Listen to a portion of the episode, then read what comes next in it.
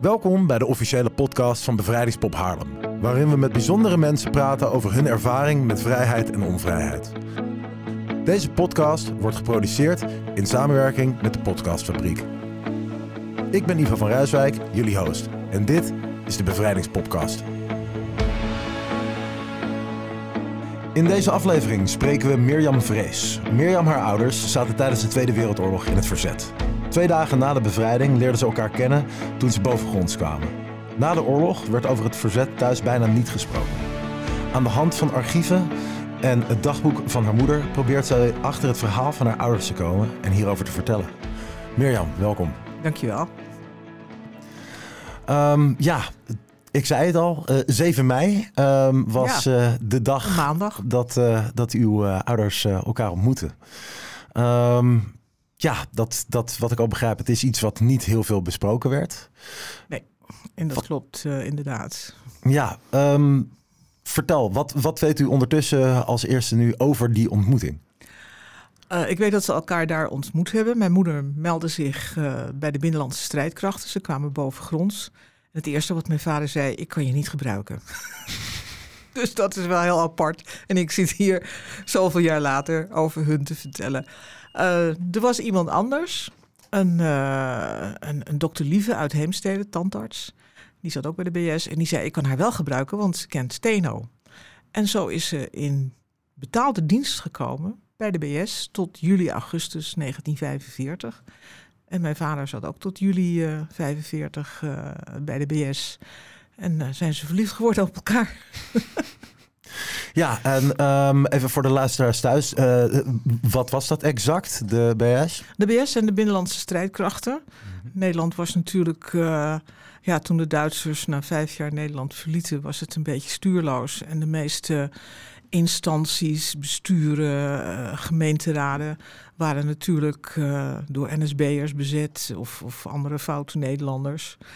En uh, er moest natuurlijk een organisatie komen die, uh, die de orde hield uh, totdat er weer een, de regering weer naar, naar Nederland kwam. Dat, dat, is, dat is mijn idee eigenlijk erover. En dat, dat lees je ook wel. We waren natuurlijk even in een soort vacuüm ja. qua bestuur en, en, en sturing van Nederland. En dat hebben de binnenlandse strijdkrachten goed en niet goed gedaan, direct na de, na de oorlog. Ja, ja, en, en zij meldde zich daar. En, en uw vader die, die zat daar als het ware om, om de, de mensen die zich melden uh, ja, een functie toe te kennen. Ja, ze zaten eigenlijk alle twee al bij de binnenlandse strijd, strijdkrachten, maar dan de voorlopers. Mijn moeder die uh, had in september 44 uh, nam ze deel aan de spoorwegstaking. Ze was locatiste, station Haarlem. En uh, 17 of 18 september, dat heb ik niet helemaal in beeld. Ik dacht 18 september staakte dus het voltallige NS-personeel. Dus dat is zo'n 30.000 mensen. En hm. toen lag alles natuurlijk stil. En toen heeft ze zich via het Rode Kruis gemeld bij het Vrouwelijke Korps Binnenlandse Strijdkrachten. Waar ik überhaupt zeer recent pas achtergekomen ben door uh, naar het NIO te schrijven. Het is... Uh, uh, de afgelopen anderhalf jaar zijn een ontzettende zoektocht geweest naar het hoe en het waarom. Aanleiding waren de, de dagboeken. Um, eigenlijk de, de, de aanstichting was het NOS Bevrijdingsjournaal.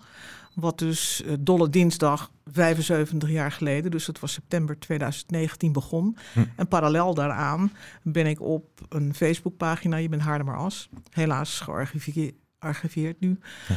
Um, ben ik twee, drie keer in de week gaan citeren uit, uh, uit de dagboeken van mijn moeder. Met foto's van kranten, artikelen, stukjes die ze schreef, uh, wetenswaardigheden, dingen waar ik achter kwam. En dat, uh, ja, dat heeft zo ontzettend waanzinnig veel teweeg gebracht.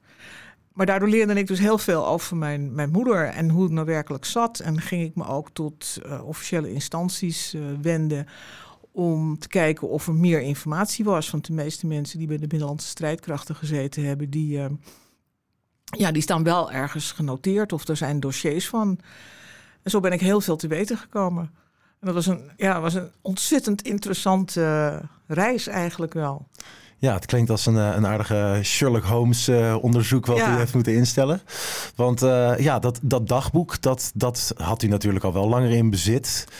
Dat klopt. Ja, maar en, nooit veel aandacht aan besteed. Nee, nee. En, en het was dus dat, uh, dat uh, NOS uh, bevrijdingsjournaal, bevrijdingsjournaal wat ervoor zorgde dat u het dagboek toch eens oppakte en zich ging, ging, verdiepen. Ja, ze hebben gewoon zeg maar van september 2019 tot augustus 45 het echte einde van de Tweede Wereldoorlog in de huiskamer gelegen.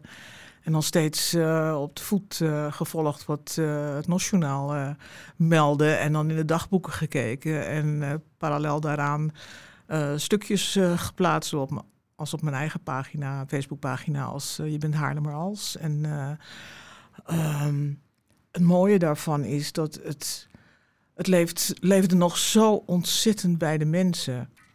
Dat is echt ongelooflijk. Ik heb ook wel berichten gekregen van ik durf nu naar de zolder te gaan en de dagboeken van mijn ouders op te pakken of eindelijk te lezen. Of de brieven die ze geschreven hebben vanuit kampen uit Duitsland of werkkampen.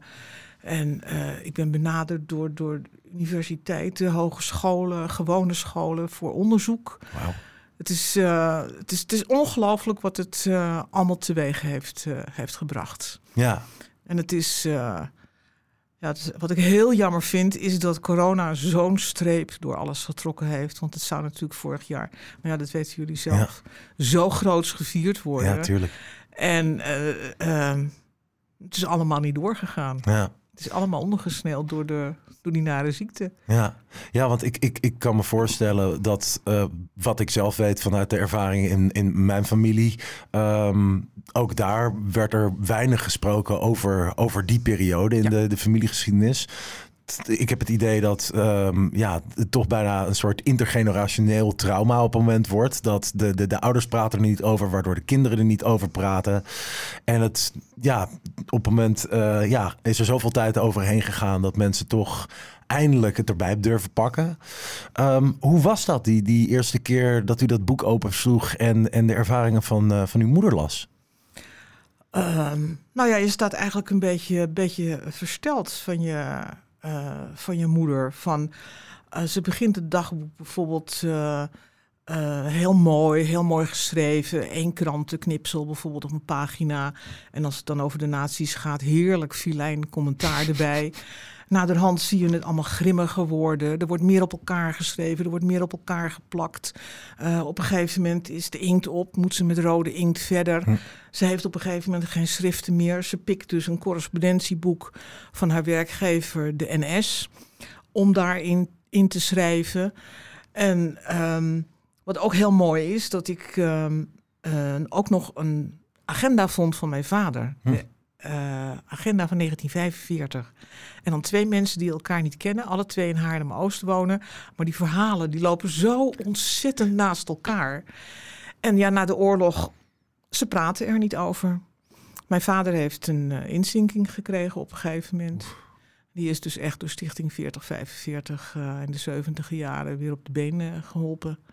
En ook een pensioen van Stichting 4045. Maar mijn moeder heeft eigenlijk nooit zo die erkenning gehad. En daar was ik ook niet naar op zoek. Maar doordat ik ging verhalen, gebeurde er zoveel. Dus ik voel dat als een ontzettende erkenning voor, uh, voor mijn moeder. Ze was koerierster, dus dat is natuurlijk niet, uh, niet niks. Nee. Dat is toch heel gevaarlijk. Ze bewaarden ook ontzettend veel, wat ook heel gevaarlijk was. Want ze hebben zoveel verzetskranten bewaard. En er staat dan altijd een stukje in: bewaar het niet, verbrand het, gooi het weg. Ja. Want als je een razzia Als je mee gepakt wordt, dan ben je ja. de Sjaak. Ja. ja.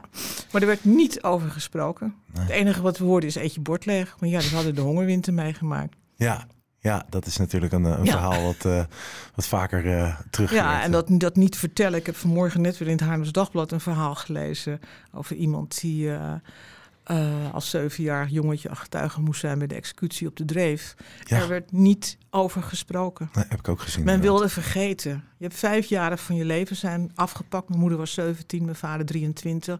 Moet je je voorstellen, jongelui, dat je vijf jaar. Ja niks kunt. Kijk, die eerste oorlogsjaren vielen wel mee. Ze gingen gewoon nog op vakantie en zo. Maar het werd steeds grimmiger, steeds grimmiger, steeds grimmiger.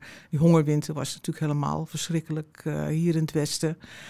En na de oorlog wilde men ja, ze gingen een zaak opbouwen, ze werden verliefd, ze gingen verloven, ze gingen trouwen, kregen vier kinderen. En er kwamen zoveel andere dingen voor in de plaats. Ja, je wil En- alleen nog maar vooruitkijken. Je wil alleen nog maar vooruitkijken. Niet meer terugkijken Nee. naar, naar dat leed, waarom er nog bij Nee. stilstaan. En dat, dat is, hoor je van iedereen. Van Ja. iedereen. En dan op het eind van het leven is er dan soms toch een moment dat ze zeggen: Ja, ik moet het nu toch nog vertellen. Ja. Want anders kan het niet meer. En ja, dat is ook een beetje mijn eh, motivering geweest. Ik vind het zo'n ontzettende mooie erfenis. eh. Ja. Thuis heb ik nog veel en veel en veel meer verpakkingen van, eh, van gedropt voedsel. Heel gek dingetje. Ik heb in mijn portemonnee heb ik een heel klein blikopertje. Openertje, dat neem ik altijd mee op vakantie. En dat zat dus bij de voedselpakketten. Dan konden ze de blikjes mee openmaken die de Zweden en de Amerikanen dus, eh, dus dropten. Ik zeg altijd, ehm, ik ben van net na de oorlog. Ik ben niet van de oorlog, maar op de een of andere manier zit de oorlog een beetje in mij. Ja. Kun je je voorstellen wat ik daarmee bedoel? Ja, nee, heel Dat, goed. eh, dat, dat, dat is wat ik ook al zei, dat de intergenerationaal eh, trauma eigenlijk Ja. wat doorgegeven wordt. Ik heb zelf eh, een paar jaar geleden stage gelopen bij Frans Bromet, die filmmaker. ja, En eh, meegeholpen aan een film genaamd De Film Die Nooit Afkwam. over inderdaad wat zo'n intergenerationeel trauma kan doen. Die film gaat over Sigmaandag, was een, een kunstenaar. En dat was, misschien kent u die foto wel van de bevrijding van Bergen-Belsen. Van dat kleine jongetje, wat, eh, Ja. eh, dat was hij. En daar heeft eh, Frans toen een film over gemaakt. En vervolgens, daar begon hij in de jaren zeventig aan. Die kwam nooit af. En die heeft toen een paar jaar geleden heeft hij met die kinderen geprobeerd die film af te maken. En vooral dus hun te interviewen Ja. over ehm, wat hebben zij meegekregen? Hoe heeft het trauma van hun vader, leeft dat voort in hun? En daarbij is inderdaad bijvoorbeeld ook dat ding dat zij nooit voedsel eh, eh, weg mochten gooien. Nee. Het was of je altijd op, of het, het, het, het eh, dingetje wat hun vader hun dan had geleerd. Of als je het echt niet meer kan opeten, dan begraaf je het in de grond. Dan he- hebben de dieren er tenminste nog wat aan. Oh, ja. En dan gaat het terug naar de planeet. En, en dat is inderdaad, ja, dat is zo'n voorbeeld van, van inderdaad ja, van die hele kleine dingetjes, maar Ja. die wel ergens vandaan komen. ja, en dat, dat wordt Ja. dan door de, door de, de, de uh, nog generatie van de geen, ouders. geen voedsel weggooien, weet je. Nee, nee. ik, ik, ik, ik kan me dat heel goed voorstellen. Maar dat is inderdaad dan zo'n zo'n intergenerationaal... uh, Ja. ja, mijn, mijn vader komt uit 47, mijn moeder uit 44. En ja, beide hebben ze... Mijn moeder heeft het ja, op papier natuurlijk wel meegemaakt... maar natuurlijk helemaal niks van Nee. meegekregen.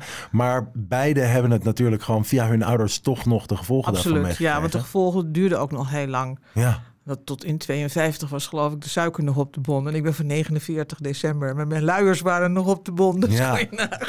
ja nee, ik, ik kan me goed voorstellen. Maar ook juist omdat dat... herstel duurt ook heel lang. Dat moet zo moeilijk ook geweest zijn Ja. om als het ware nog in zo'n ja, periode zonder zoveel zekerheid op te groeien, dat dat inderdaad gewoon nog ook op u invloed gehad moet hebben.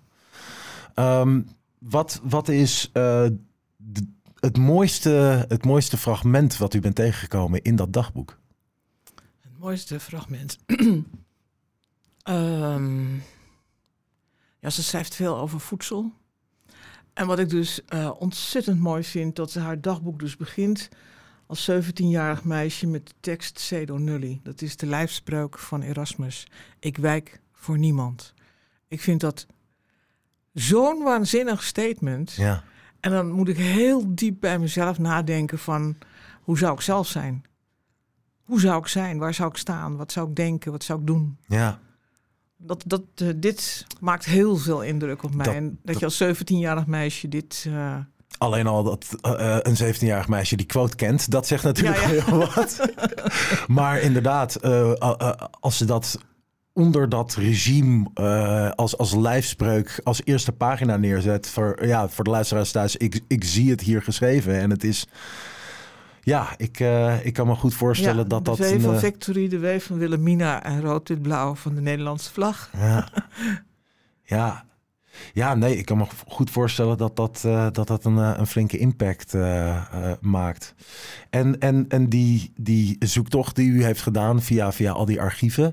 ehm, wat bent u tegengekomen aan informatie die niet in het dagboek stond, maar die ja, natuurlijk u ook nooit van, van uw ouders hebt meegekregen, die het, het, het, het meeste nieuw inzicht bracht op Nou, wat ik, eh, ehm, een van de dingen die ik eh, dit jaar nog geleerd heb, is dat mijn moeder die had, ehm, ze werkte natuurlijk bij de NS.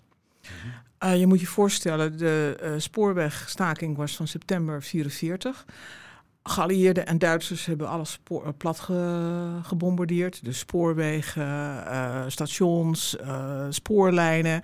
Het heeft tot december 45 geduurd voordat de NS weer volledig operationeel was. mijn moeder had dus ook geen werk, want ze kon geen kaartjes verkopen, want de treinen reden toch niet. Dus vandaar. En bij de BS kreeg ze een salaris wat lager was als haar salaris bij de NS. En mijn moeder schrijft in haar prachtige handschrift drie kantjes vol naar het hoge instantie van de BS dat ze wil loonderving. Of ze heeft loonderving. En ze wil gecompenseerd worden. 45. Moet je je voorstellen. Vrouwen hadden niks te vertellen. Ik bedoel, ze is gewoon een feministe avant la lettre. Ja, daar moet je flink ballen voor hebben. Ja, ja, op dat moment uh, zo'n brief schrijven. En, die, en die, ik heb dus die stukken opgestuurd gekregen van het NIOD. En met allemaal stempels van, van hoge mensen. En afgekeurd, afgekeurd. Want alleen de mannen kregen compensatie en de vrouwen niet. En dat zo'n brief, dat zegt alles over mijn moeder. Ja, ze stond gewoon voor haar recht. Ja. Ja, ik, ik, zou bijna zeggen, ze stond haar mannetje. Maar dat is juist de, de, uitdrukking die je niet moet gebruiken in dit geval. Nou, dat stond ze zeer zeker. ja, absoluut. Dat, uh, maar dat was uh, in het latere leven ook. Ze werd, mijn vader die was bezig een zaak op te zetten, een juwelierszaak en horlogezaak. En hij had op een gegeven moment gevraagd van... God, Nettie, ga weg bij de NS en kom bij mij in de zaak werken. Maar ze zag de bui natuurlijk al hangen, getrouwd, kinderen. En ja, je mocht toen niet meer werken. En toen heeft ze gezegd, ik wil bij je in de zaak werken. Maar ik kan, geen twee, ik kan geen twee heren dienen. Dus er komen meisjes om op de kinderen te passen. Er komen schoonmaaksters. en mijn moeder werkt 80 uur in de zaak. Wauw. Ja. Ja, nee, dat, uh, het, uit alles blijkt al een zeer sterke vrouw. Absoluut. Dat, uh, absoluut. Van, van de openingspagina van het dagboek tot... Uh, tot, tot haar, haar, verdere leven, hoe zich dat ontwikkelde. Een ontzettend sterke vrouw. Ja, ja. wauw, wat een, indrukwekkend. En um, ja, de, u, u, zei zelf ook al van er zijn ondertussen uh, meerdere mensen naar u toegekomen voor, voor ja. onderzoek en dergelijke. Um, ik kan me voorstellen dat dit ook voor hun natuurlijk een, een, een, ja, een, zeer mooie uh, primaire onderzoeksbron is geweest van uh, nieuwe inzichten en ja. nieuwe belevingen. Sommige vragen heb ik niet kunnen beantwoorden, andere weer wel. Er zijn bijvoorbeeld uh, bij toen Haarlem 775 jaar bestond, is er een film gemaakt. En bij twee fragmenten wordt er dus voorgelezen uit het dagboek van mijn moeder en de agenda van mijn, van mijn vader, passend bij de, bij de filmbeelden. En dat ja, dat was ook heel erg, erg mooi. En dan ja, via via krijg je dan verzoeken van mensen. En uh, is nu een, een, tentoonstelling in voorbereiding bij het Noord-Hollands Archief, Vrouw in het Verzet. Oh, wauw. En daar wordt mijn moeder ook onderdeel van. En um, toevallig heeft de NOS vandaag een artikel over al die onbekende vrouwen in het verzet. En ik hoorde van die historicus van het Noord-Hollands Archief dat ze hadden een oproep gedaan. Ze hebben al kleine 700 foto's van vrouwen die in het verzet waren. En toevallig zat er in het Haarlems Dagblad ook een uh, volgens mij een stuk over. Of nee, dan heb ik het op de NOS gelezen.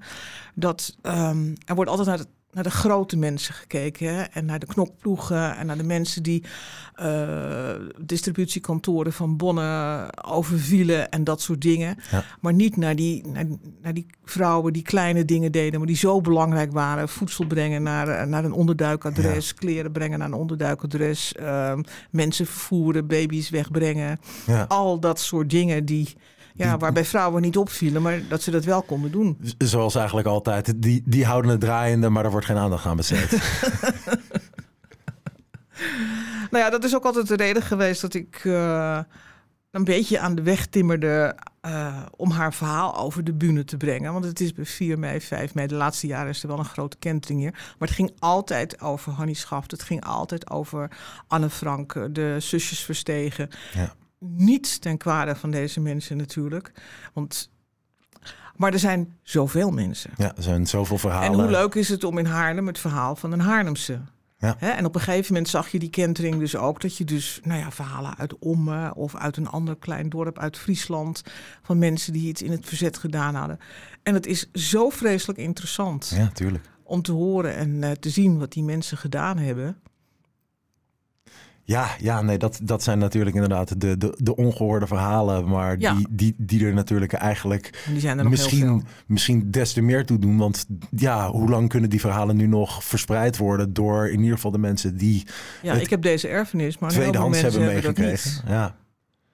ja, nee, dat is. eh, nee, het is heel belangrijk. Daarom eh, ja, is zo'n gesprek als dit natuurlijk ook zo belangrijk. Ehm, ik eh, zou willen vragen, want u, u- u heeft eh, een, een, aantal, een aantal stukken meegenomen. Ja, zou u wellicht het, het stuk willen voorlezen wat u misschien het meeste aanspreekt? Met ons willen delen? Mag ik even kijken in mijn, natuurlijk. in mijn stukken? Eh, dit is de gaat over de spoorwegstaking van 18 september 1944. Ze was zelf eh, natuurlijk werkzaam bij de NS als eh locatist op station Haarlem. Ehm, het geallieerde opperbevel heeft opdracht gegeven tot een algemene spoorwegstaking. Hieraan is in Haarlem goed gevolg gegeven. Toen ik om half zeven maandags, morgens 18 september, eens naar het station ging, tussen haakjes, ik had al om zes uur in dienst moeten zijn, vond ik het station totaal gesloten. De hoofdstationchef, de stationchef, onderstationchef, de commissie, de chefcommissie, zijn wachters, beambten voor bagage binnen- en buitendienst waren in geen velden of wegen te vinden. Allen waren ondergedoken. Er was alleen een arbeider die de sleutels in bewaring had, die de hoofdstationchef, ehm, stationchef, onderstationchef, commissie, chefcommissie, zijn wachters, treindienstleider, kortom alles moest vertegenwoordigen.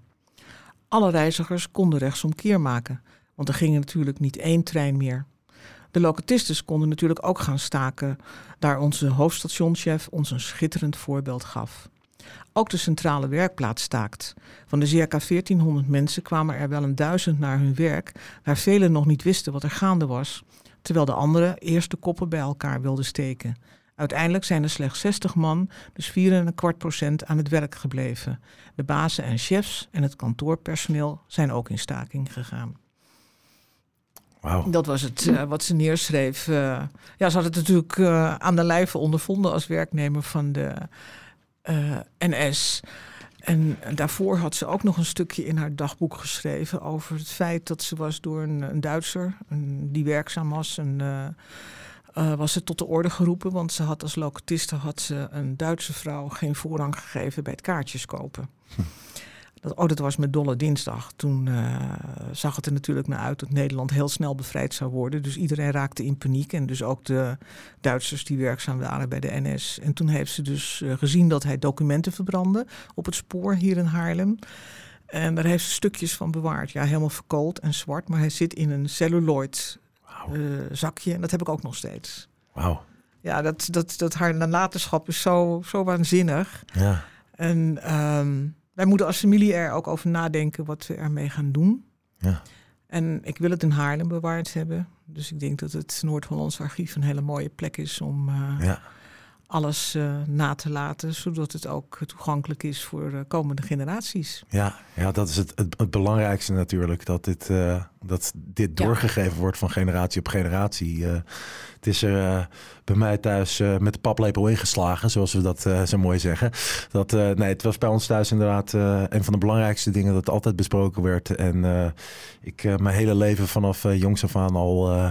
altijd 4 mei, 5 mei eh, vooraan Ja. op de, bij de dreef en eh, daarna de volgende dag het, eh, het terrein op.